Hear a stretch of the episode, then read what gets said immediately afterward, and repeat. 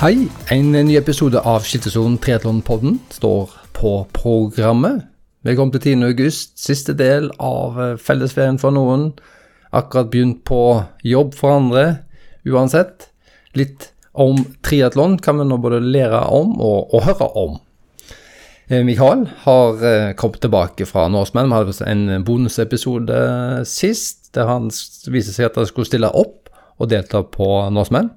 En, eh, en oppsummering av hans uh, opplevelse og, og resultater fra Norsemen skal vi naturligvis komme inn på, men det tar vi mot uh, slutten, tenker vi. Du har fortsatt uh, stemmen i behold, kanskje sårebein, Mikael?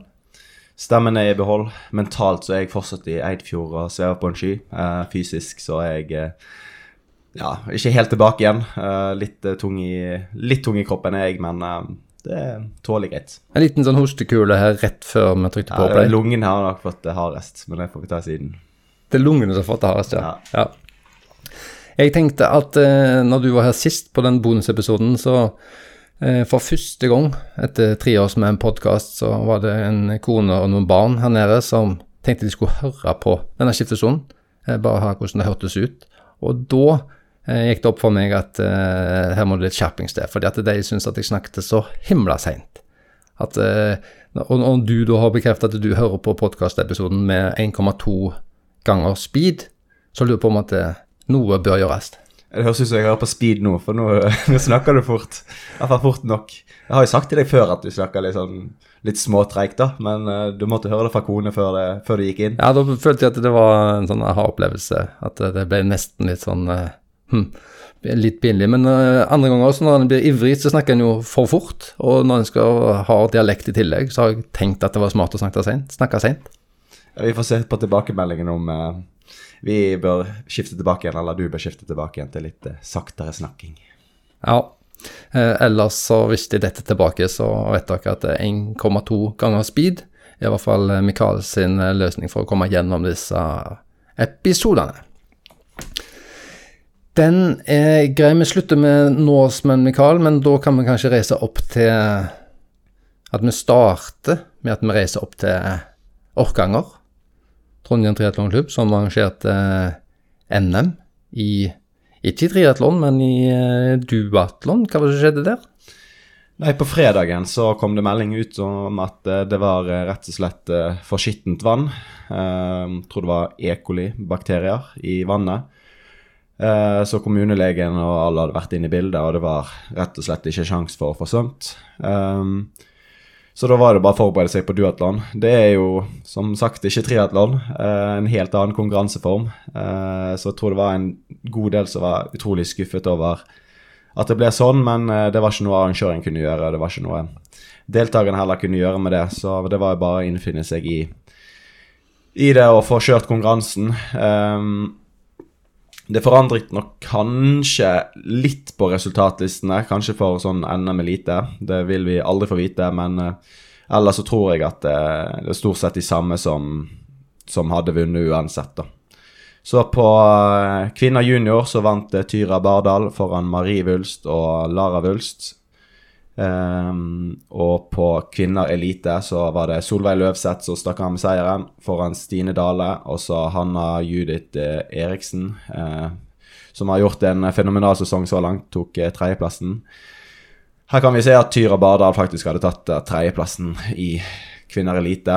Um, tidligere, noen, noen ganger så har de jo skrevet junioren opp som senior hvis de slår seniorene, men det gjorde de ikke her. Eh, på eh, menn junior så vant eh, Ola Rasmussen Vestbø foran Erik Grande og Karl August Jensehaugen. Eh, der hadde òg da Ola faktisk kommet på tredjeplass i menn elite. Sebastian Wernersen vant, åtte sekunder foran Jørgen Gundersen. Eh, det så ut som det ble et spurteoppgjør på siste, siste løp der. Jørgen Gundersen da som sagt på andre, og Petter Ellingsbø på tredje. Eh, Petter fikk vel, mistet vel skjede på sykkel. Eh, og så kan vi òg se at han Andreas Vatne egentlig kanskje mister en medalje med eh, takke på en veldig treg skiftesone, så da mister han gruppen på sykkel, og så Uh, ja, kunne kanskje tatt en tredjeplass der. Det var masse resultater. Eh, raskt eh, gått gjennom. Hvis vi hopper tilbake til mm, den du sa på eh, er lite. Hanna Judithe Eriksen altså, har hatt en fenomenal eh, sesong, sier du. Hva, eh, hun var vel med både på HV og i Stavanger? Ja, hun fikk, vant vel på HV, NM olympisk. Husker ikke helt resultatet på Stavanger, altså i Sandnes der, om det var tredjeplass. Så har jeg fulgt NM-skapet sitt første sesong her nå, så det er jo, det er jo gøy. Og eh, Stine Dahl på andreplass. Jeg syns jeg har sett henne i noe eh, sykkeltøy. Er det sånn at hun eh, er, er vel så mye syklist nå som hun triatlet, eller gjør hun begge deler framover? Har fått muligheten fra Team Coop Hightech eh, med å få kjøre noen ritt for de, så det tror jeg eh, Eller det vet jeg hun syns er kjempekjekt, og så tror jeg det blir bra for Hightech òg å få inn en, eh, en til rytter der. Um, så det er egentlig litt for å teste ut, uh, teste ut vannet der. Um, så det var jo vel NM-resultatene på sykkel som gjorde at uh, det var mulighet for å, for å teste seg skikkelig. Og så sa du noe om at på begge juniorresultatene, så junior kvinner, Tira Badal, som vant, og junior Ola Rasmussen Vestbø for eh, herrer som vant, at de hadde òg eh, Begge to kunne fått en tredjeplass i NM eh, for senior med de resultatene. Starta de på likt, eller startet de på helt vidt forskjellige tidspunkter? De startet på likt. Jeg tror damene startet for seg sjøl, og herrene startet for seg sjøl, hvis jeg ikke tar helt feil. Ja, så det var samme forhold altså underveis når du ser på tidene, da? Så det samme forhold? Ja, så de kjørte i samme gruppe. Så Ola kjørte i samme sykkelgruppe som Sebastian og Jørgen og Petter på sykkel. Ja, så han var faktisk da nummer tre i målo. Ja. Ja. Eh, og så sa du at eh, Jørgen Gundersen eh, kom på annenplass. Jørgen har vi jo begynt å ha med litt her i, i podkasten. I dag så måtte han prioritere en sykkeltur, var det så? ja, jeg tror han sitter på rullen og, og chatter litt med oss før start nå, da. Men eh, han rakk dessverre ikke være med. Nei, fordi et, et naturlig spørsmål ville jo da blitt eh, hvordan han følte det når han skjønte at vannkvaliteten var dårlig. fordi vi har vel tidligere berettet at det var noen som sa at det var verdensklasse på svømmingen hans, i hvert fall under uh, HV. Det vil si det var faren som sa at det var verdensklasse, da. Men uh, han var nok litt, uh, sikkert litt skuffa, og gikk veldig høyt ut at han trodde han skulle ha en rimelig god sjanse på dette NM her, når vi hørte han i forkant. Ja, det er vanskelig å spå hvordan det hadde gått, da, men Jørgen er jo en veldig god svømmer, som du sier. Uh, så han, men om han har klart å få nok luke til å holde til Sebastian, eller om han har bare klart å bruke mindre energi og hatt mer igjen til siste løp, det vil vi dessverre aldri få vite. Eh, Har du hørt noe om hvordan eh, arrangementet rent sånn teknisk, og hvordan, hvordan det var? Hvordan det er blitt oppfatta av deltakere og publikummere og sånn? Jeg har ikke hørt så mye om det. Eh, sett noen bilder, stemningsbilder derfra, det så ut som det var, så det var eh, veldig bra. Um, nå skal vel en del av de ungdommene som var med, og juniorene som var med eh, der oppe, fortsette å ha på en samling, så de skal ha samling ut hele uken. Um, så håper at uh, været holder seg fint for de der oppe, at de får uh, mye god kvalitetstrening og, og jobbet med samhold og det sosiale. Uh, og kanskje at de får etter hvert svømt ute i dette um, litt uh, skitne vannet. Ja, men det er jo en, eh, et godt tiltak, dette her med å sosialisere og så treffes på samlingen der i etterkant. Så slipper en også være så nervøs og spent i, før konkurransen òg. Så jeg syns det var smart å legge den i, i ettertid. Det er ikke så dumt, det. Gjorde ikke de samme i fjor? Jo, de har hatt samlinger der tidligere, så eh, det er veldig bra av Trondheim Triatlon å, å ta det ansvaret.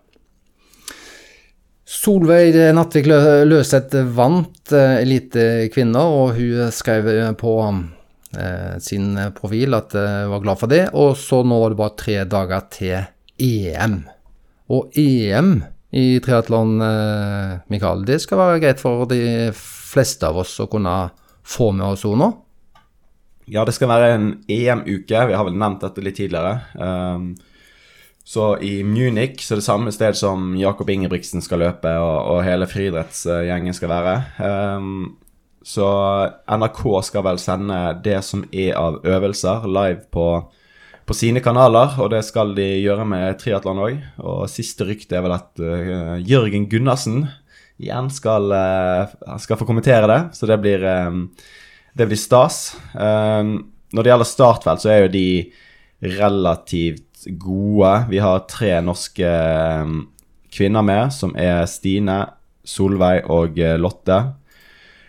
Hvem som er vinnerkandidat, det tør jeg ikke helt si sånn, eh, sånn på sparket. Eh, men vi får satse på at eh, våre norske er, godt med der oppe. Vi har noen tyske og noen franske utøvere som er veldig gode. Og England stiller vel med én og to gode utøvere. Men der skal egentlig Lotte ha veldig, veldig god sjanse på medalje, mener jeg. Og den eh, løpet for uh, triatlon kvinner, det er allerede nå på fredag. Hvis du rekker å høre denne episoden før det, fredag 12. august. Og TV-sendingen begynner på NRK1 klokka 17.10. Og så går han over på NRK2 sånn ca. 40 minutter senere, fant vi ut.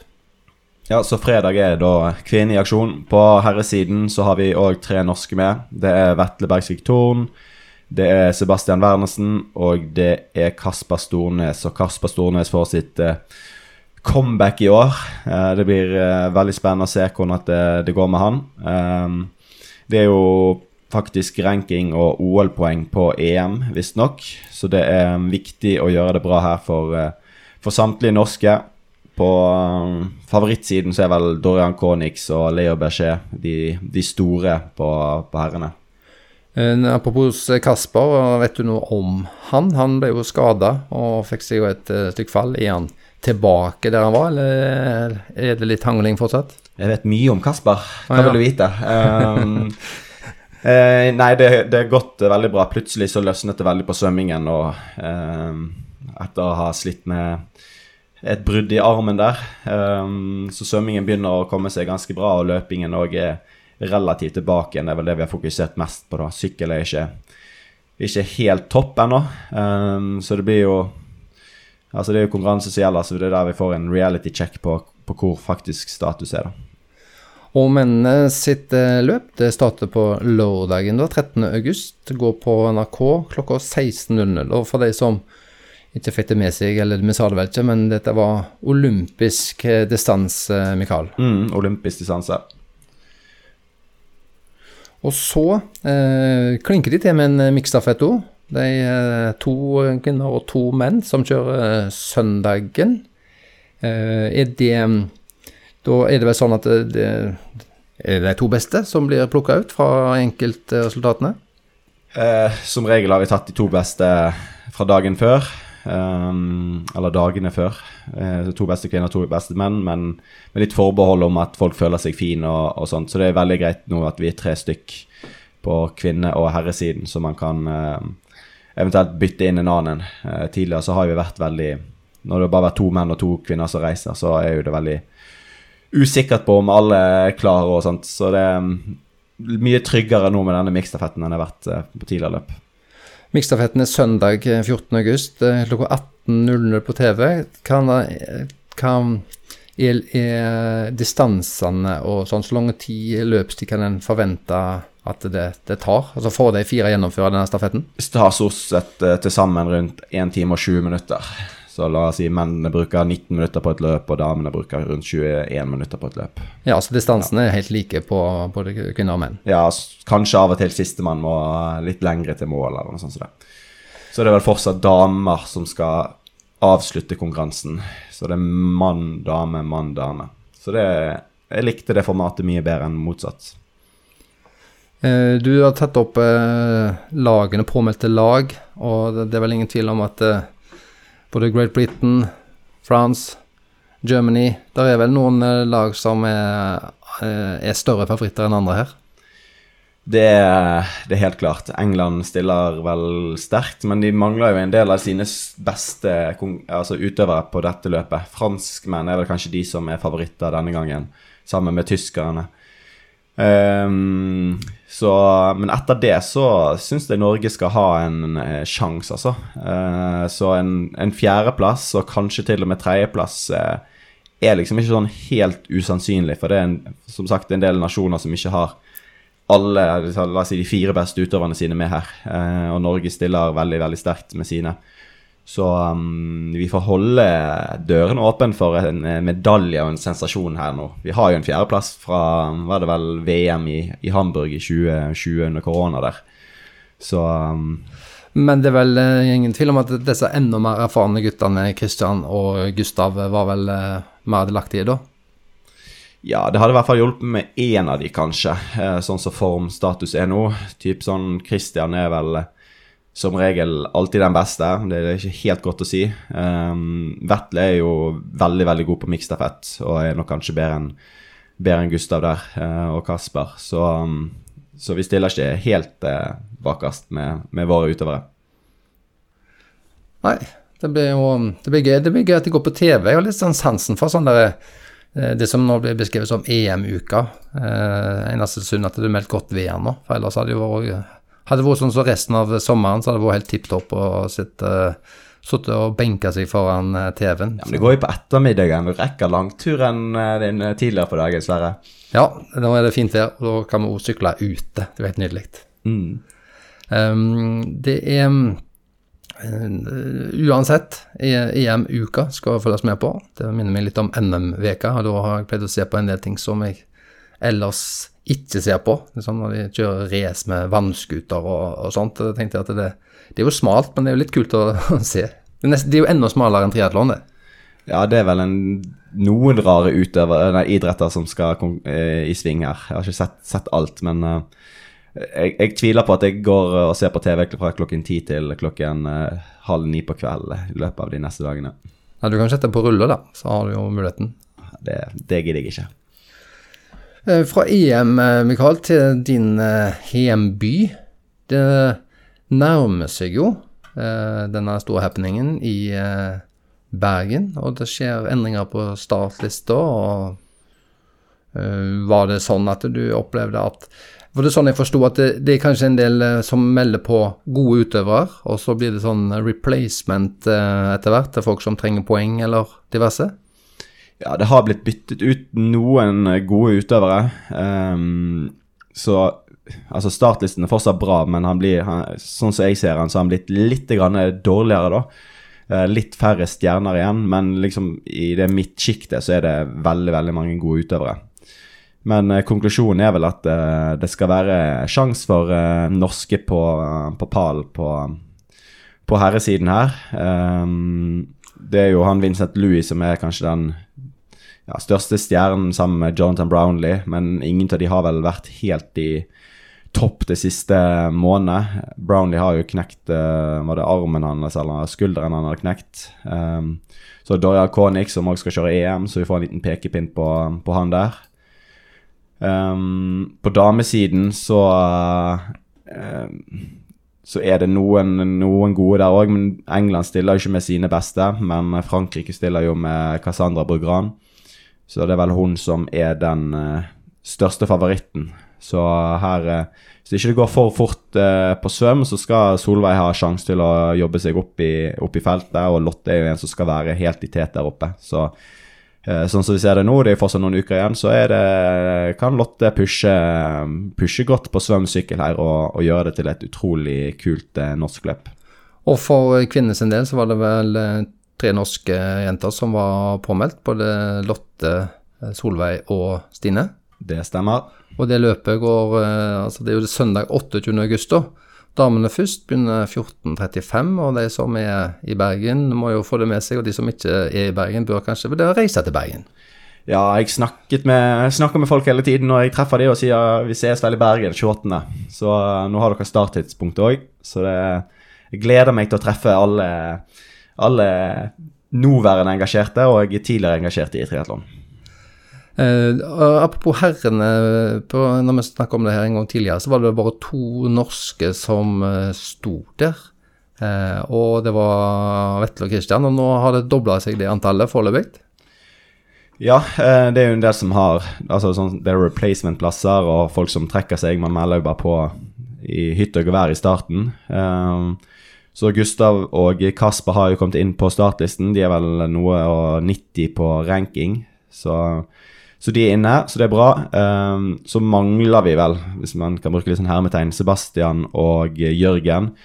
De er vel fortsatt på venteliste. Jeg har vel 50 eller 70 eller 80 stykk foran seg på ventelisten fortsatt. Uh, men den, den, listen blir nok bare mindre og mindre etter hvert som tiden går. Det går ikke an å putte inn nye, nye navn på den ventelisten. Um, så helt frem til start så kan de ha um, mulighet til å, å, til å, få plass. Og de vil jo stå standby hele uken til, uh, til, å få plass på konkurransen. Så jeg holder dørene åpne for uh, i hvert fall én til norsk med. Men når du sier standby, hvis du tenker deg både Jørgen og Sebastian da, uh, er det sånn Hva gjør de nå? og hvordan trener de? Altså trener de da Vil du anta at de trener som om de skal stille på i Bergen? Foreløpig så gjør de det. Um, så de har jo konkurranse de skal kjøre uh, både før og etter. Uh, men altså, hadde dette vært en tilfeldig verdenscup et helt annet sted, så hadde jo det ikke vært uh, samme, samme måte å forberede seg på. Men når det er verdenscup på hjemmebane, noe man absolutt har lyst til å få med seg, så, så blir det at man legger, legger, litt opp til at man skal være i grei form der, da. selv om sannsynligheten kanskje ikke er kjempestor. Men altså Det er jo litt sånn grenser på hvor mye forberedelse det vil ha ha å si òg. De er jo i form og i, i, en konkurranseperiode uansett. Så vi får håpe på de får vite det fort som mulig. Men når Jørgen var med oss, så gikk jo langt i å si at det var jo tett opp mot hovedpri å få et sånt løp i, i, i Bergen. Så det er nok en, eh, et A-løp for, for, hans del, så han forbereder seg nok da maks til den dagen. Det gjør han nok. Så um, da får vi absolutt håpe at han får plass òg. Eh, vet du, du snakker med folk, sier du. Vet du noe mer om um, disse TV-sendingene? Vi, vi, traff jo folk som var med og skulle arrangere og produsere dette løpet. Eh, du har jo tidligere vært litt kritisk til en, kvaliteten på en del løp som har blitt eh, sendt eh, enten på TV eller på, på nettstreaming og sånt. Eh, vet vi noe om så bra denne produksjonen blir, eller kan bli, og så mye de legger i å lage kanskje den beste TV-produksjonen noen gang? Um, jeg regner ikke med noen at oss norske skal få se den sendingen, for alle skal jo være der live. Så sånn sett så bryr vi meg ikke så mye om det. Um, uh, nei, de, altså, de, har jo sagt at det skal bli veldig, veldig bra. Um, men altså, det er første gang man arrangerer, og for alt vi vet, så kan det være pøsregn i Bergen den helgen. så er det ikke så godt å si hvor hvor godt det blir, da.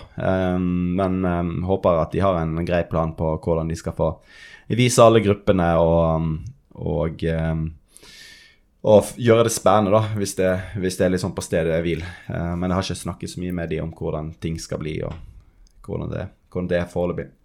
Jeg er jo ikke enig med deg at TV-produksjon ikke er så viktig, fordi at dette dette dreier seg om å få opp interessen for triatlon, og at uh, kalle folk flest og skal få, få øynene og Det, det, er jo ingen tvil om at en del produksjoner som, som vi ser, det er for minst eh, spesielt interesserte. Ja, det er for spesielt interesserte. Så um, det skal vel gå på TV2 dette løpet her, da. Så da skal vel forhåpentligvis treffe en god del ut av de som uh, ikke møter opp. Så um, håper på at det blir bra og kan uh, gi godt tilbake igjen i etterkant. Ja, det håper vi. Det var eh, Vi skal jo nærme oss eh, Norseman, Mikael, som du kom tilbake til. Men eh, det var liksom eh, Du syntes det var litt gøy at det var blitt en eh, svensk ny landslagssjef i Danmark? En svensk landslagssjef i Danmark. Så det syns du var et eh, poeng å få fram i, i, i, dag? Ja, jeg tenkte vi skulle ta det med. Um, det er jo Angela Fox, som har vært eh, sportssjef i det svenske forbundet siden 2016. Har eh, gjort en, en veldig god innsats i Sverige. Fått opp flere trenere på, på gymnas og på universitet. Og um, fått i gang flere liksom, miljø, da. Uh, hun har jobbet godt med ulike samlinger. og med en god del utøvere. Og nå har rett og slett Danmark plukket hun opp. Um, så eh, jeg vet ikke hvorfor hun har slutter i Sverige. Kanskje hun har lyst på et nytt prosjekt å prøve seg på. Danmark har jo vært en litt sånn ja, Nå vet du ikke alt men, om, om, dansk triatlon, men de har ikke helt klart å få til den kortdistansesuksessen der borte. Eller der nede, blir det vel. Um, så de har en god del utøvere som velger å gå over til sånn halv-Ironman og Ironman og får grei suksess der, men det å holde de i kortdistansesirkuset har de slitt veldig med i i Danmark. Så nå, eh, nå, satser de på å klare å bevare disse utøverne og talentene som de har, eh, på kortdistanse. Så det blir eh, gøy å se hvordan dette, dette blir for dansk triatlon. Men uh, hun, Angela Fox er, er hun uh, altså en tidligere aktiv utøver som har noe sånt aktivt rykte, eller er hun mer som uh, trenerkapasitet hun er? Hun er vel litt av begge deler. Hun har vel drevet en del med sånn open water-svømming og litt med triatlon. Altså hun, hun, er vel ikke en trener i så grad. hun er vel mer en veldig god organisator og får satt ting i system og får ting, ting gjort, da, sånn som så jeg har fått inntrykk eh, sett utenifra. Så kan, jeg syns det blir spennende å se på, på dansk triatlon hvordan de skal uh, gjøre dette. Og så blir det jo interessant å se hvordan, hvem Sverige velger å ansette og, og holde liv i, i, sin satsing. De har jo en del talenter der borte som, som fortsatt trenger videre oppfølging og, og holde hjulet i gang. Det er ikke det er ikke gitt at hvis man har fått i gang noe, at det bare vil fortsette og fortsette. og fortsette. Du trenger fortsatt en, en kontinuitetsbærer og en, en, som jobber hardt for at det skal vedvare. Så denne stillingen i landslagssjef i, i Tretland i Danmark, det er, det er Arild Tveiten i, i, Norge? Er det som en sånn sportssjefstilling? Ja, jeg så på den stillingsbeskrivelsen når han kom ut, så det virker litt til å være det, det samme som, som Arild gjør. Uh, jeg bare la meg merke til en liten sånn detalj, at uh, hun har vært sportssjef i det svenske triatlonforbundet, og, har, uh, blant, og hennes hva det står, de har bygd opp et regionalt trenernettverk som har resultert i dyktige atleter som Gabriel Gabør og Tilda Mansson. Skal det stå Sandør, men eh, de har skrevet feil her. Ja, Sandør, ja. ja. Men jeg føler ikke at de to navnene har tapetsert den internasjonale pallen? Nei, altså Tilda er vel en som kom opp i fjor, Eh, så hun er vel fortsatt juniorutøver. Gabriel har jo vært veldig nærme å kvalifisere seg til OL. Men um, altså det er jo ganske likt sånn som i Norge, men de har hatt uh, noe de siste årene, så nå begynner de å bære veldig frykter av, uh, av det som skjer. da. Uh, så det er en del talenter som, som er i, i vaket der, da. Men altså, de er ikke Jeg vil ikke si de er, sånn, de er foran norsk triatlon, men de jobber godt der borte, da. Ja, det skal bli gøy. Det, det, er gøy med altså Det er jo ingen tvil om at den, de nordiske navnene Du er jo veldig god på alt internasjonale òg, du. Men jeg syns jo at det, det er spesielt de nordiske navnene og eh, kniving og, og, det å følge med på de ulike karrierene. Det syns jeg er teit med Norge, Sverige og Danmark. altså. Det, det er enklere å forholde seg til det. Ja, EM var jo vel, nei, ikke EM, men nordisk var jo veldig kjekt i år. Selv om vi ikke dekket det sånn som vi skulle gjøre da. Eh, Jørgen måtte komme inn og, inn og, ta det. Men det er jo en veldig sånn bra um, arena for de nest beste og når man er på vei i utvikling. Så holde på det nordiske samarbeidet og, og et e nordisk, det, det er veien å gå. Det gjør vi. Vi reiser til kalde Eidfjord. Mikael, eh, du eh, sitter her med litt hostestemme. Du har noen rester av en eh, tatovering på armen. Du har et Jeg trodde kanskje det var et sugemerke, men det er sikkert noe merke fra en våtdrakt i halsen. Og helt kort oppsummert før den lange versjonen. Hvordan eh, var det i Eidfjord og turen eh, over mot eh, Gaustatoppen? Um, jeg er veldig konsentrert når jeg holder på. Uh, veldig bare sånn videre, videre, videre. videre. Så liksom, jeg, jeg, jeg, tenker ikke så mye og får på en måte ikke med meg så mye følelser sånn sett, men jeg tenkte liksom innimellom at dette gidder jeg aldri gjøre igjen. Herregud. Uh, men sånn i, i, går, da, som var uh, mandag, så var det ah, Fuck, det var egentlig litt kjekt. Jeg er jo ikke så ødelagt, og det var, det var greit. Men det var, det var litt småtungt og kjipt i perioder, ja. Du passet jo på å stille opp her til innspilling i dag òg, med en T-skjorte av farge svart, naturligvis. Ja, du, har, du har svart T-skjorte på det du òg, men det er vel litt annen logo på min, ja. Ja, jeg skulle i hvert fall matche deg i stil og profil. Ja, det gjør du godt. Mye bedre barberte bein enn jeg har i dag. Ja, du kunne ikke prioritere det. Nei, men eh, hvis vi eh, Jeg skjønner jo at det, det, var sikkert litt eh, tungt underveis, men vi skal ta litt om den. Skal vi ta resultater først, eller skal vi ta din opplevelse først? Ta resultatene først, du. Da må vi ta de, de damene først. For der var det jo en eh, Det var ikke en overraskelse, men eh, eh, fjorårsvinner, Julie Aspesletten, hun røyk vel på en Covid, forsto jeg hun rapporterte. Eh, relativt kort, det var bare noen uker før start, så hun stilte. Eh, hun svømte og hun gjennomførte ved sykkel nå, og så måtte hun eh, Så hun ga seg rett før Imingfjell, hvis jeg hørte riktig. Å ja, så hun sto av på sykkelen. Mm. Ja. Så det var jo en eh, kandidat som vi hadde med å snakke med her i skiftesonen, som vi både eh, trodde på og håpte på, men eh, naturligvis når en blir eh, syk og en må stå av, så er ikke noe å gjøre med det. Og da fikk vi noe så sjelden som et eh, utenlandsk eh, flagg på toppen, og det syns jeg var stor stas. Jeg vet ikke om jeg klarer å si navnet. Elliot, Elliot Price fra Storbritannia.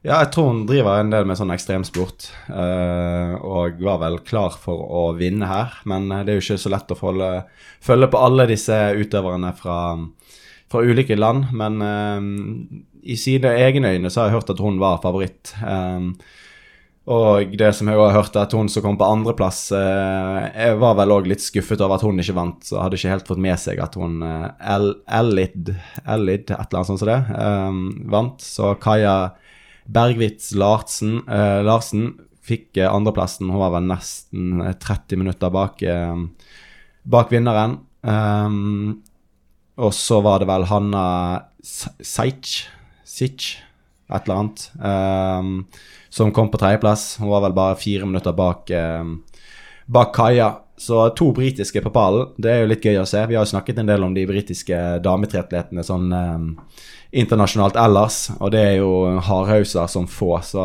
um, Så ikke sånn sett overraskende, men uh, sånn i Norseman-sammenheng så er det vel kanskje litt uh, ja, litt nytt at det kommer uh, utenlandske og tar oss.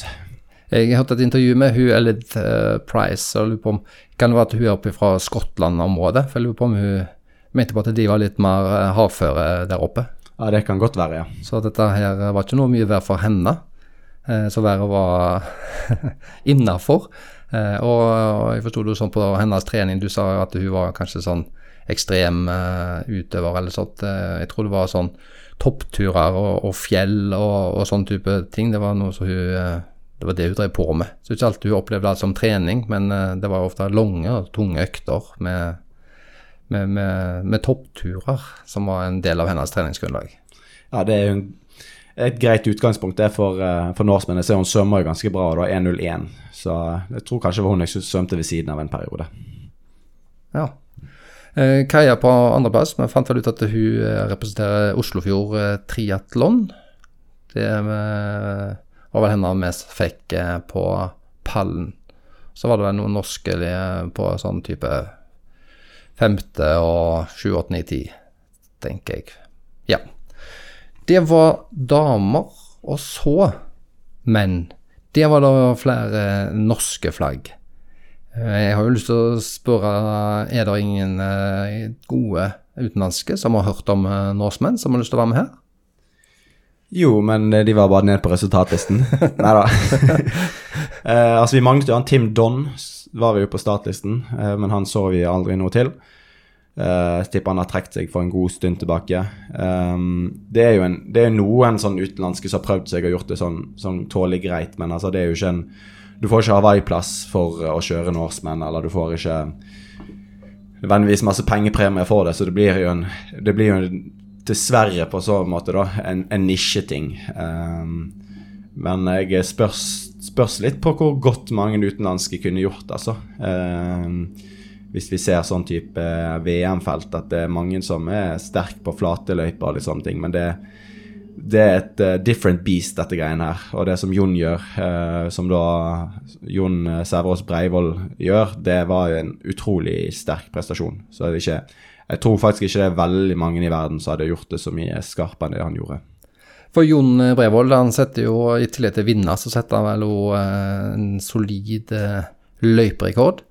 Han eh, slo Christian Grue med ca. drøyt 24 minutter, men forsto du sånn at Christian òg hadde satt løyperekord på den uh, tida som han hadde? Oh, det tør jeg ikke si, men det kan godt være at den forrige var på rundt 53, kanskje. 09, ja. ja, fordi at uh, 0953. Christian brukte 9 timer og 47 minutter, mens Jon brukte 9 timer og 23 minutter. Så da Det var jo solid. Men det hjalp nok på med en grei vind, frisk, i ryggen over fjellene der. Ja, det var vel på sykkel vi fikk mest eh, fordeler. Eh, det var eh, det var småpene forhold, så jeg var glad for det. Men det, det var jo Jon Brevold og Kristian Grue var jo relativt klare 1-2. Eh, Allan Hovda, som har tidligere vunnet her flere ganger. Fin, fin tredjeplass, men ja, 14, lite kvarter bak Kristian. Hans Kristian Tungesvik på fjerde, og Mikael Iden femteplass. Godt mindre enn én time bak eh, Jon. Cirka sånn som du jo eh, varsla på forhånd, som du trodde, men det var jo imponerende. Gratulerer, Mikael. Jo takk, jeg har med å ha kontroll på meg sjøl. Det må jeg få lov til å si. Sandnes så traff jeg godt på spådommene mine òg.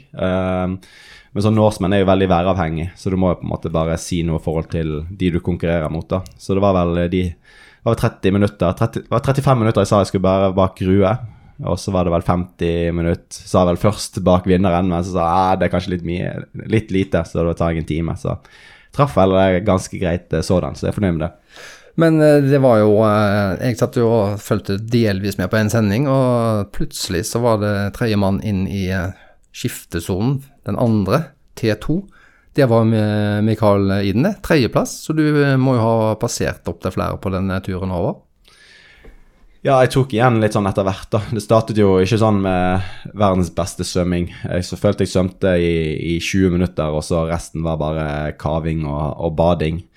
Og Apropos de sugemerkene på halsen. Jeg tror jeg aldri har hatt så mye sår på halsen min noen gang. Det har allerede begynt å gro, gro ganske fint, da, men uh, det var andre gang jeg brukte den våtdrakten som, som jeg hadde på meg. Og det var ikke den jeg skulle egentlig ha heller. Den kom på døren eh, på mandag. En sånn uh, Deboer Ocean-drakt. Så det ble en eh, kald våtdrakt med ulltrøye under, og jeg glemte vaselin. Så det var en eh, sådan kjip opplevelse. Så var det ganske kaldt. Jeg merket det når vi nær- nærmet oss Eidfjord, at det var liksom kaldt å puste til og med. Eh, når, når jeg svømte. Eh, så jeg tror derav litt sånn såre lunger og, og hals, da. Eh, og skiftesonen var vel ikke sånn superrask, men jeg ser de andre har jo òg prioritert å, å skifte ganske mye på seg. Jeg snakket jo med egentlig ja, alle de fire foran meg da før konkurransen, og når jeg sa at jeg skulle skifte på meg, så lo de bare av meg. Men jeg tror de, tror de fant litt sånn fornuft i løpet av uh, de siste værmeldingene, og de, de brukte litt tid i skiftesonen de òg med å ta på seg godt med klær. da. Så jeg hadde jo tok av meg den ølen jeg hadde under, og tok på meg en helt fre, uh, fersk, uh, tørr ulltrøye og på med en eh, en god sykkeljakke og, og hansker etter hvert som jeg begynte å sykle, og hadde vel ullsokker og nesten to par skotrekk på meg. Og, og ja, jeg hadde vel buff og, og ullue under eh, tempohjelmen. Så det ble vel aldri noe problem egentlig med kulde etter hvert på sykkel, så jeg var glad jeg brukte de ekstra ja, la oss si 20 sekundene der, da. Halvtime, eller halvt minutt, ett minutt. Men nesten to par skotrekk. Eh, Hvordan fikk du til det? Jeg hadde sånn toe-greier på skoene, og så hadde jeg skotrekk i tillegg. Um, Ja. Så jeg tenkte at det var, det var lurt, og det var det nok òg.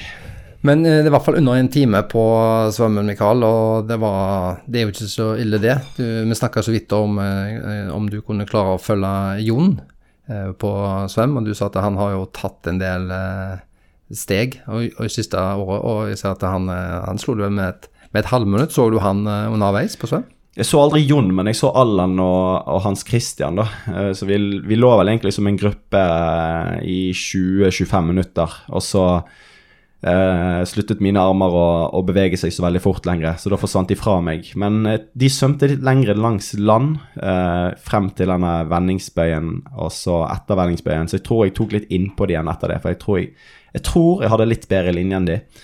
eh, etter det, Men det er jo utrolig surt å bare ikke klare å svømme 30 sekunder fortere og ligge med en gruppe. For det går mye fortere å ligge, ligge sammen med noen. Det merket jeg veldig. Um, men eh, ja, hvis jeg skal gjøre noe igjen, så må jeg nesten prioritere å få svømt litt. altså. Det, det er trist når jeg ligger der. Og eh, sykkelen, du var godt kledd, men eh, det gikk jo fort likevel. Det var vel bare Jon og Kristian i den rekkefølgen som var raskere enn deg, og det gjorde at du kom jo da som nummer tre i eh, T- T2, Var det, var det en god tur over? Du var jo litt overrasket at du skulle sykle så lenge, men fem timer og fire minutter? Eh, ja, det gikk greit. Jeg synes det var det var litt sånn Jeg følte meg veldig veldig bra i starten. Jeg tror det må være fra liksom når jeg var yngre at jeg syklet så eh, mye etter jeg hadde svømt. Så jeg føler meg ofte sykt bra i starten etter svømming. Eh, gode bein. Og så ble det litt tyngre opp etter eh, dyrene ut, og jeg så vel de foran meg, altså Allan og de, på et eller annet tidspunkt. Da var det vel 90 sekunder foran meg. Jeg tenkte sånn, søren heller. Det, det var litt kjedelig å ha de så langt fremme, men så fikk jeg høre liksom på toppen at de var tre minutter foran. Eh, så tenkte jeg shit, faktisk, jeg tror faktisk de har syklet litt for hardt. Uh, tenkte jeg da. Uh, så jeg kjørte Jeg kjørte egentlig litt hardt, jeg òg, eh, men jeg klarte liksom å hvile i nedoverbakkene og prøvde å bare trø så lite som mulig der jeg kunne. men så har jeg med at jeg vil kjøre så fort som mulig òg, så i sånne små kneiker så kunne jeg gjerne spurte, liksom, og da ser jeg på vatten, og shit, da hadde jeg 400 watt i, i fem sekunder. Så det er liksom ikke så veldig lurt, det heller, sånn ser jeg på totalt regnestykke, da. Um, så jeg tok nesten igjen alderen til, til Geilo. Så jeg tok inn nesten to og et halvt minutt fra dyrene til Geilo i medvinden. Uh, og så begynte jeg å tape imot bakken igjen, da. Men heldigvis på den siste opp i Mingfjell, så som jeg egentlig hadde gruet meg mest til, og så tror jeg de fleste gruer seg mest til. Den er jo den lengste og den bratteste bakken sånn mot slutten der. Og så var de rett foran meg, da, så da klarte jeg å å grave de inn igjen. Men eh, det som var en utfordring med konkurransen, var jo at det var ganske Det var jo ganske kjølig. Eh, pappa målte vel to grader på bilen på dyrene ut. Eh, heldigvis hadde vi vind i ryggen, men um, det er jo ikke spesielt varmt. Jeg kjente liksom at Det eneste stedet jeg hadde bar hud, var jo på knærne. Og jeg kjente liksom at det, det, det er kjølig ute. Det var ikke noe sånn Jeg, jeg ble aldri sånn kald, kald i kroppen. Um, så ble det mye finere når vi nærmet oss da, da Geilo. Uh, så da var det egentlig greit vær og greie temperaturer. Men ja, det jeg skulle si at det, det ble jo til all næringen ble jo som drikke. Og da, hvis du drikker og ikke svetter, så blir det ekstremt mye tissing. Så jeg tror jeg tisset i alle de her siste tre-fire nedoverbakkene på sykkelen. Um, så jeg tapte, egentlig litt tid på det, spesielt ned fra Imingtfjell, for jeg måtte sånn tisse at jeg måtte bare stoppe og trø på flaten der og, og, og la det gå. Uh, så Allan tok nok litt, eh, litt innpå meg på, helt på slutten. Og så spydde jeg faktisk òg litt uh, som fem kilometer før skiftesonen. Tok litt uh, cola fra flasken og så bare shit. Så var det spy litt på høyresiden og spy litt på venstresiden, og så tenkte jeg shit, ja, dette kan bli interessant på løpingen. Det hørtes ut som en uh, typisk uh, Iden-respons. Uh, det, det, det, det, virker som dere liker å spy. Følte meg litt så Gustav da, faktisk. Men, um... Men på sykkelen Du passerer vel ca. ti stykker på turen totalt. mest interessant er det jo selvfølgelig med Hans Christian og Allan Hovda der oppå Ilefjell. snakker du noen med dem? Um, ja, Allan spurte hva watt jeg kjørte, og hva watt jeg hadde kjørt. Så det var jo bare å servere fra meg, for han var sikkert interessert i å vite, vite det. Uh, eh, HC sa vel at uh, dette var imponerende eller sånt når jeg passerte han, og så sa jeg fy faen, jeg gruer meg til løping. Et eller annet sånt som det sa jeg. Um, men sånn som når det er sagt, altså, jeg, jeg var jo bare der for å kjøre så fort som mulig til mål. Altså, ikke nødvendig, Jeg var ikke der for en plassering, var ikke der for å for å på en måte ja, Altså, jeg var der for å bare gjøre det så fort som jeg klarte med den formen jeg hadde. Um, og så, så jeg snakket med pappa liksom, altså, Hadde vi vært der for å vinne, la oss si det sånn, da, så hadde jo vi prioritert å gjøre skiftesonene mye bedre og, og, lagt mye mer på en måte innsats i hele pakken. Men nå ble det liksom ikke tid, og det var ikke egentlig interessant i å på en måte være sykt godt forberedt. Altså, vi hadde kanskje måttet hatt en litt større bil hvis vi skulle vært mye bedre forberedt, for det ble altfor mye ting i bilen, og det var vanskelig å finne fram. Og jeg hadde liksom, vi hadde ikke hatt tid til å kommunisere så mye sammen på hva skal jeg ha hvis dersom det, og hva skal vi ha hvis dersom det, og så eh, jeg, jeg, kledde stort sett på meg sjøl i skiftesonen òg, fordi vi hadde liksom ikke avtalt at du må bare ta av meg den jakken når jeg kommer inn, du må bare ta på meg den jakken når jeg kommer inn, sånn som en, en god del av de andre, da. Så derav ganske sånn treige skiftesoner. Men igjen, jeg var liksom ikke der for å, for å gjøre noe annet enn å fullføre så fort som forberedelsene tillot, da. Men sånn så jeg, jeg, er jo i grei form. Altså, jeg skal ikke stikke under stol at jeg, jeg, jeg trener jo. Så det kom liksom frem at jeg liksom ja, Du trener jo ikke, og likevel gjorde det så bra. Altså, jeg trener jo jeg trener jo ganske mye i forhold til en, en vanlig person, og relativt like mye som en annen supermosjonist, men jeg hadde jo ikke forberedt meg spesifikt for arrangementet, som jeg mener er litt essensielt, og det er vel en grunn for at de andre trener spesifikt for arrangementet. Så um, det er på en måte viktig å få det fram, da, sånn at jeg ikke blir sett på som en sånn At jeg lyver på meg eh, mye dårligere form enn jeg har, og mye mindre trening. For det, det skal ikke jeg påstå. Men for oss som eh, fikk eh, sett litt i den skiftesonen og var imponert når du kom inn på, på tredjeplass der på, i T2, så må jeg jo si at, jeg lurte på om bildet hadde bare frosset i streamen der. fordi når Allan kom inn bak, så hadde jo du stått der Jeg opplevde det som om at du hadde stått der lenger vel. Og så kom det en fyr som var betydelig bedre forberedt eh, med Allan og bare ble dratt av eh, tøyet. Og vips, på med skoskje med seg og på med sko og ut. Og der står du fortsatt og knoter med et eller annet borti din skiftesone. Jeg hadde jo uh, ullgenser og sykkeljakke, og så hadde jeg sykkelbukse på meg. Så det, jeg skulle alt det av, da. Og så måtte var liksom teppet som jeg skulle bruke, lagt litt ned, for det var ikke lov til å være naken. Jeg var ikke så interessert i å være naken heller i skiftesone med masse publikum. Uh, så jeg måtte liksom finne frem det og ta det rundt meg, og så hadde vi lagt frem feil T-skjorte og litt sånne ting. Uh, og så stresset jeg ikke så mye heller. altså. Grunnen til at jeg ikke ville kjøre i trisuit eller liksom ta det av meg, var jo fordi hvis jeg skal på do seinere, så taper jeg egentlig bare mer tid på å ha trisuit enn det å bare skifte med en gang. Og så hvis det blir kaldt og alt er vått, så, så er jeg mye mer komfortabel når jeg løper. Så sånn sett så var det et helt riktig valg, men jeg kunne jo kunne nok vært 15 sekunder kjappere liksom der. Men så totalt sett så spiller det ikke noen rolle. Altså Hadde det ikke vært for at de andre var der, Allan og Hans Christian, så hadde det på en måte vært totalt uviktig. Ja, det, det, Men jeg forsto det sånn at eh, Allan trodde vel lenge at eh, du var foran han. Ja, Allan spurter ut, og så klarer jeg liksom å komme opp i ryggen på han på et tidspunkt. da.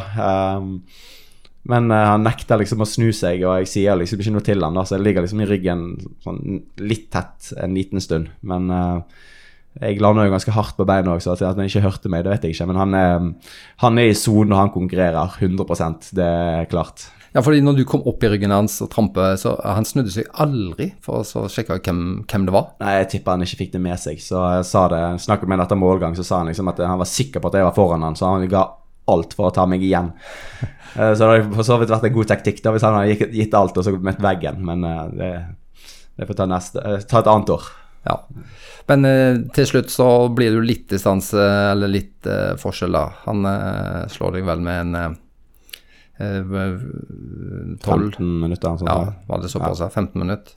Eh, og Hans Christian kom vel eh, opp og forbi deg eh, etter hvert. Var, var det under den flate delen, eller var det under den zombie hill? Eh, det var litt irriterende på løping, fordi eh, support-crewet kjører jo forbi det, forbi liksom, og så eh, stopper de, og så kjører forbi, og så stopper de. Så supporten til Hans Christian kjørte forbi meg, og så bare står de der. Så vet jeg liksom at han er bak meg. Så til slutt så sa jeg liksom bare til dem Kanskje han bare plasserer meg, så slipper jeg liksom ha han liksom halsende bak der. Så det var vel et minutt eller noe sånt, så det er bak meg ut på løpet, eller kanskje halvannet minutt. Så til slutt, eh, etter 24-25 km, så kom han forbi meg, da.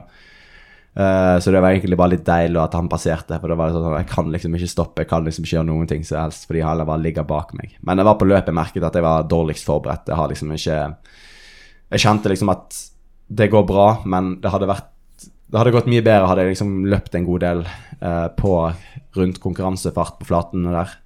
Så det var liksom ikke så mye å stille opp med. Og sånn i motbakken også, så kjenner jeg liksom at jeg, jeg kunne løpt fortere, men samtidig så klarer jeg ikke løpe fortere fordi jeg har ikke løpt nok.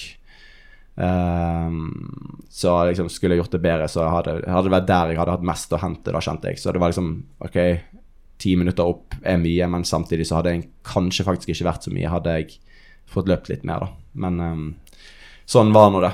Men jeg skjønner liksom ikke hvordan at Allan klarer å ta seg så mye ut opp den konkurransen. For du, du kan jo ikke ta det helt ut når du begynner på Gaustatoppen, altså på, på fjellet der. Og det å liksom løpe og ta seg så mye ut på flaten, eller liksom den der steinuren, det er imponerende. For det syns jeg var det vanskelig å liksom bevege beina sine så fort og liksom ha så høy intensitet, for det er jo så, så slitsomt terreng, da. Så kudos til, til de som klarte det.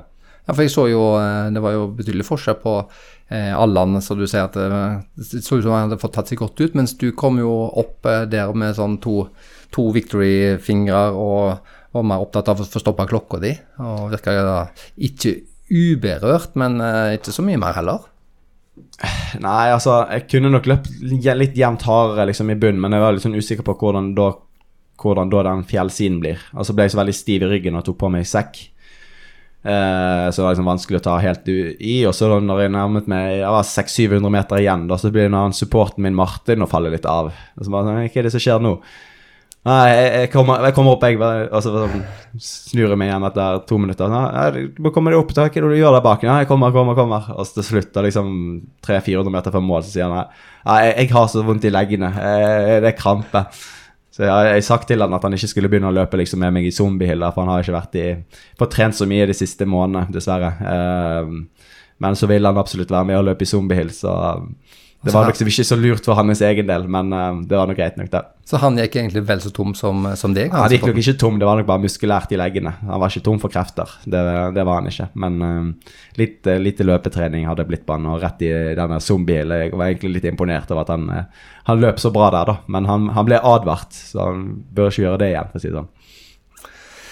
Nei, men Da hadde vi topp fem kun norske flagg, med Jon Christian, Allan, Hans Christian og Mikael.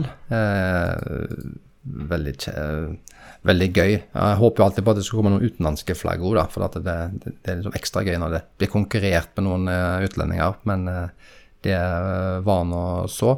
Er det noen andre resultater eh, som du tenker burde vært nevnt?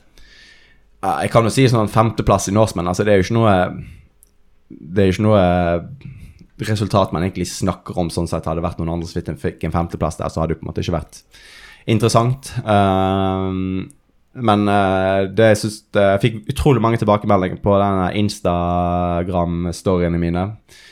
Så siden jeg var så på en måte så heldig å få plass så seint, så tenkte jeg liksom gi litt tilbake til arrangementet sånn sett. Og jeg vet, har en god del sånn internasjonale følgere, så tenkte jeg sånn Søren heller, vi, vi, får ta og vise litt eh, hvordan, um, hvordan dette kan bli. Spesielt liksom når det var to grader på toppen, så tenkte jeg sånn dette, er, dette må folk få med seg. Um, så jeg fikk utrolig, utrolig mange tilbakemeldinger. Jeg tror det var sånn ja, det var rundt sånn 4000 som så storyene, og så det var, fikk jeg sikkert sånn 200-300 folk som sendte meldinger. og og det som var. Um, så det var, uh, det var, kjekt for meg og de som supportcrewet mitt som lagde det. Um, og så var det stilig å se folk fra, mange folk fra Taiwan som var med. Um, så fikk tatt bilder med dem og snakket med dem. De er jo Min lillebror Gustav er jo uh, superstjerne i Taiwan, så de visste jo godt, uh, godt hvem han var, og var jo villig til å snakke. og så fikk jeg et par sånne sokker fra Fermosa, Fermoso eh, Ekstrem Triatlon, som de arrangerer i november. Så det var via den de på en måte da har kvalifisert seg. Så det, det arrangementet er vel blitt en del av det X-Tree X-World Tree, er det ikke det det heter? Eh, X-World Tree, det ja. står på armen din der. Så, um, eh, så det er en del av det, og de, der har de vel nesten 7000 høydemetere. eh, totalt sett, og de passerer over 3000 høydemeter, altså meter over havet på et tidspunkt. Og det løpet går i november, så um, slutten av november, så det hadde vært gøy å teste det. Ikke i år, men kanskje neste år eller noe sånt som det. Dra bort der og, og konkurrere. Det hadde vært gøy. Sammen med Gustav? Jeg tror ikke Gustav eh, kommer til å delta, men kanskje han kan bli med og ta turen. Jeg tror det var litt stas for hun der taiwanske dama som tok bilde der du skriver 'same same but uh, different'. Ja, det var hun som skrev det. Hun har tatt bilde ja. med Gustav før. Ja, så, så det, var, Gustav, det, var, veldig artig. Ja. Ja, men det var nok eh, eh, stas. Kanskje mest stas for henne.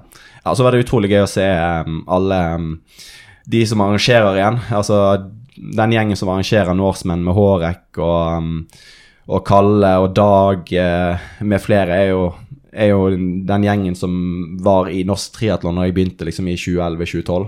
Så liksom det å treffe de igjen skikkelig, og spesielt også etter korona, var skikkelig hyggelig å snakke med de, og det var virkelig god stemning på um, ja, Spesielt på Gaustablikk dagen etterpå. Jeg fikk ikke tid til å snakke så veldig, med så veldig mange på fredagen, men um, ja, det var, det var, gøy å treffe skjerm, da, som vi kan kalle det. Kjernen fra 2011-2012. Men apropos prating, har du fått snakka med noen av de uh, fire som uh, slo deg? Har dere hatt noe sånn uh, som pep after race, pep talk? Nei, ikke så veldig mye. Jeg snakket med Jon og sa nå må du komme deg inn i en svømmeklubb og få, få trent litt skikkelig svømming. Fordi sykkelnivåene og løpenivået, sånn som med Gruog, har jo veldig bra sykkel- og løpenivå inne. Eh, så de må liksom bare ta det steget på svømming som man har nå i en internasjonal konkurranse å gjøre. Eh, så, um, og det som man ser f.eks. på den flate delen på Norseman, er jo hvor fort det faktisk løpes på den flate delen i en full distanse. Nå er det jo for så vidt 20-25 km ganske rolig inn mot løp her. Uh, og kanskje at de må, bør trene litt annerledes på en flat Ironman, altså trene litt mer på den muskulærtrettheten og kjøre, kjøre mer steady. At uh, den på en måte ujevne syklingen nå så passer de norske utøverne litt bedre for den treningstingen, altså treningsarbeidet man legger ned. da. Eh, men eh, Jon og Grue må, må, komme seg på søm og så tørre å delta på, på skikkelige fulldistanseløp, Ironman, sånn at de kan eh, rett og slett bare fokusere på å bli bedre der. For de viser jo at de har, de har noe der å gjøre. Mm. Og så så jeg at Allan Hovda skrev hashtag 'pinlig' og sykla fra Saketa. Han knuste deg i skiftesonen da. Og jeg ikke la merke til det sjøl lenger, men hashtag 'pinlig' på at han var blitt sykla forbi av en, av en fyr på landeveissykkel. Eh, du hadde jo i forkant så sa du at du ville stille på landeveissykkelen din for at du er mest komfortabel med den i hvert fall oppover. Eller du var mer ukomfortabel med, med TT, temposykkelen din oppover. Jeg var litt liten. Eh, nå i ettertid, hvordan ville du stilt på valgt sykkel hvis du skulle stilt igjen neste år? Um, samme vurdering. altså Hadde ikke jeg fått trent på den temposykkelen, så uh, ville jeg ikke brukt den. Men han vil nok være en raskere sykkel på uh, store deler av det terrenget, da. Men altså den landeveissykkelen min er utrolig rask, og med det setupet som jeg har på den, så er det en skikkelig skikkelig god sykkel. Så jeg føler liksom ikke at jeg, jeg tapte ikke noe på å ha den sykkelen. liksom Sett totalt sett. altså En temposykkel ville kanskje vært marginalt raskere. Um, så Allan, du skal ikke være flau for at jeg kjørte forbi det med landeveissykkel. Det, det, skal du ikke være. Det var, det var et godt setup på en, en, rask sykkel. Og Allan, jeg har også sykla tur bak eh, Mikael sjøl han sykler på landeveissykkelen sin, og, og, har mer enn nok med å bare kunne følge han. Så det, dette er ikke pinlig i det hele tatt. Eh, for å avslutte Norseman, eh, underveis så forsto du ikke hvorfor du overhodet gidda å gjøre dette her, eh, men få dager etterpå så kjenner du at kroppen er ok. Får vi se Mikael i Norseman igjen, tror du? Ja, En skal vel aldri si aldri, men uh, altså grunnen til at jeg ikke har gjort det tidligere, er fordi det passer utrolig dårlig med, med jobben min med, som trener. Og med ofte leirer og konkurranser i denne perioden. Så det liksom å kunne forberede seg skikkelig, det er ofte litt vanskelig, eller vil være vanskelig. Da må jeg på en måte prioritere vekk noe annet, da. Uh, og det er liksom ikke en jobb man kan prioritere vekk i to måneder heller, for det er liksom Er du trener, så er du trener. Det er du liksom 365 dager i året. Um, og så liksom, hva skal jeg gjøre? Hva blir neste, da? Altså Nå har jeg liksom allerede kjørt og kjørt helt ok, så neste må jo være enten å bare fullføre, eller liksom å gjøre det bedre. Så liksom det å gjøre akkurat det samme en gang til er jo ikke noe som er interessant. Da vil det jo være på en måte å gjøre det mye bedre da, eller om tolv år, at når jeg er blitt 40, liksom skal fullføre på nytt ut ifra noen forutsetninger der. Så eh, sånn med det første så ser jeg ikke helt for meg at det blir, men eh, sånn i etterkant nå så var det, var det litt eh, Det var litt gøy, da. Men eh, Du, du ja. fant ikke en umiddelbar motivasjon til å tenke at eh, neste år skal jeg vinne? Nei, altså det er kjempelangt opp til Jon òg. Altså, det ville krevd ekstremt mye. Da må liksom blitt fulltidsutøver for å ta Jon, liksom. Uh, så, så liksom, hva skal jeg gjøre da? Liksom, det å få andreplass eller tredjeplass vil liksom ikke være liksom Det er jo kult, men det er liksom ikke det store, så ja. Men uh, Jon nå, jeg tror at han Hva han har ytterligere planer om i karrieren sin, det vet vi jo ikke. Du snakket om kanskje de skal kjøre noen, burde kjørt noen eh, tøffe fulldistanse Ironman, og det skal han nok òg, men jeg forsto det sånn at han hadde lyst til å ta tre på rappen, og i et intervju med han så han smilte vel litt når han sa det, men han humra vel og lekte litt med tanken på en uh, sub 9 på uh, Norseman. Er det mulig? Jeg snakket med noen før løpet og sa liksom at uh, hvis jeg, noe, jeg tror liksom Gustav kunne kjørt sub 9. Altså Gustav tror jeg vil være den beste utøveren i verden på denne konkurranseformen, fordi han er så, så god i bakker, uh, både på sykkel og på løp, og liksom det med å håndtere sykkel. Um, og så, han, han, han, vil vel svømme rundt ti minutter raskere enn Jon. Uh, og kanskje sykle litt fortere, det er ikke godt å si, og kanskje løpe litt fortere.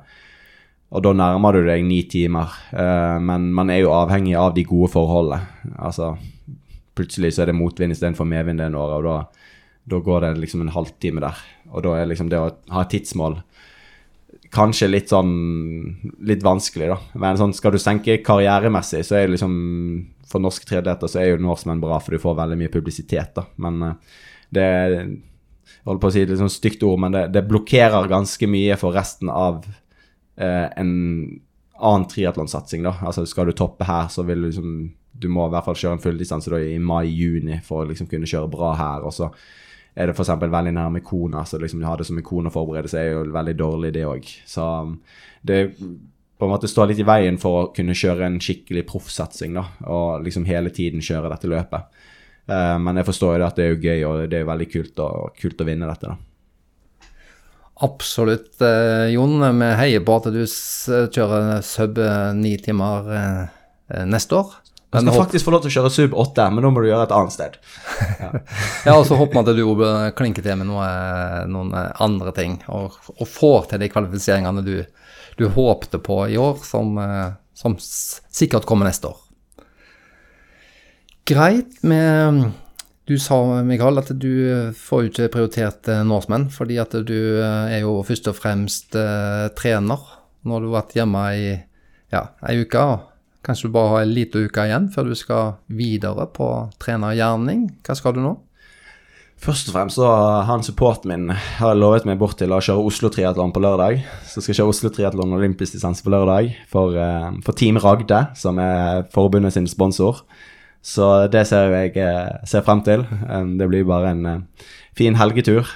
men neste uke igjen så reiser jeg vel til Slovakia og skal være med på Eller skal ikke være med på, men jeg skal følge med på Collins Cup der nede. Så hilse på noen av utøverne mine som jeg ikke har sett på en stund. Så det blir, um, blir kjekt. Um, så blir det vel en liten uke der, og så er det verdenscupen i Bergen, og så blir det nok Kona forbereder seg med, med Lionel kanskje borte i USA.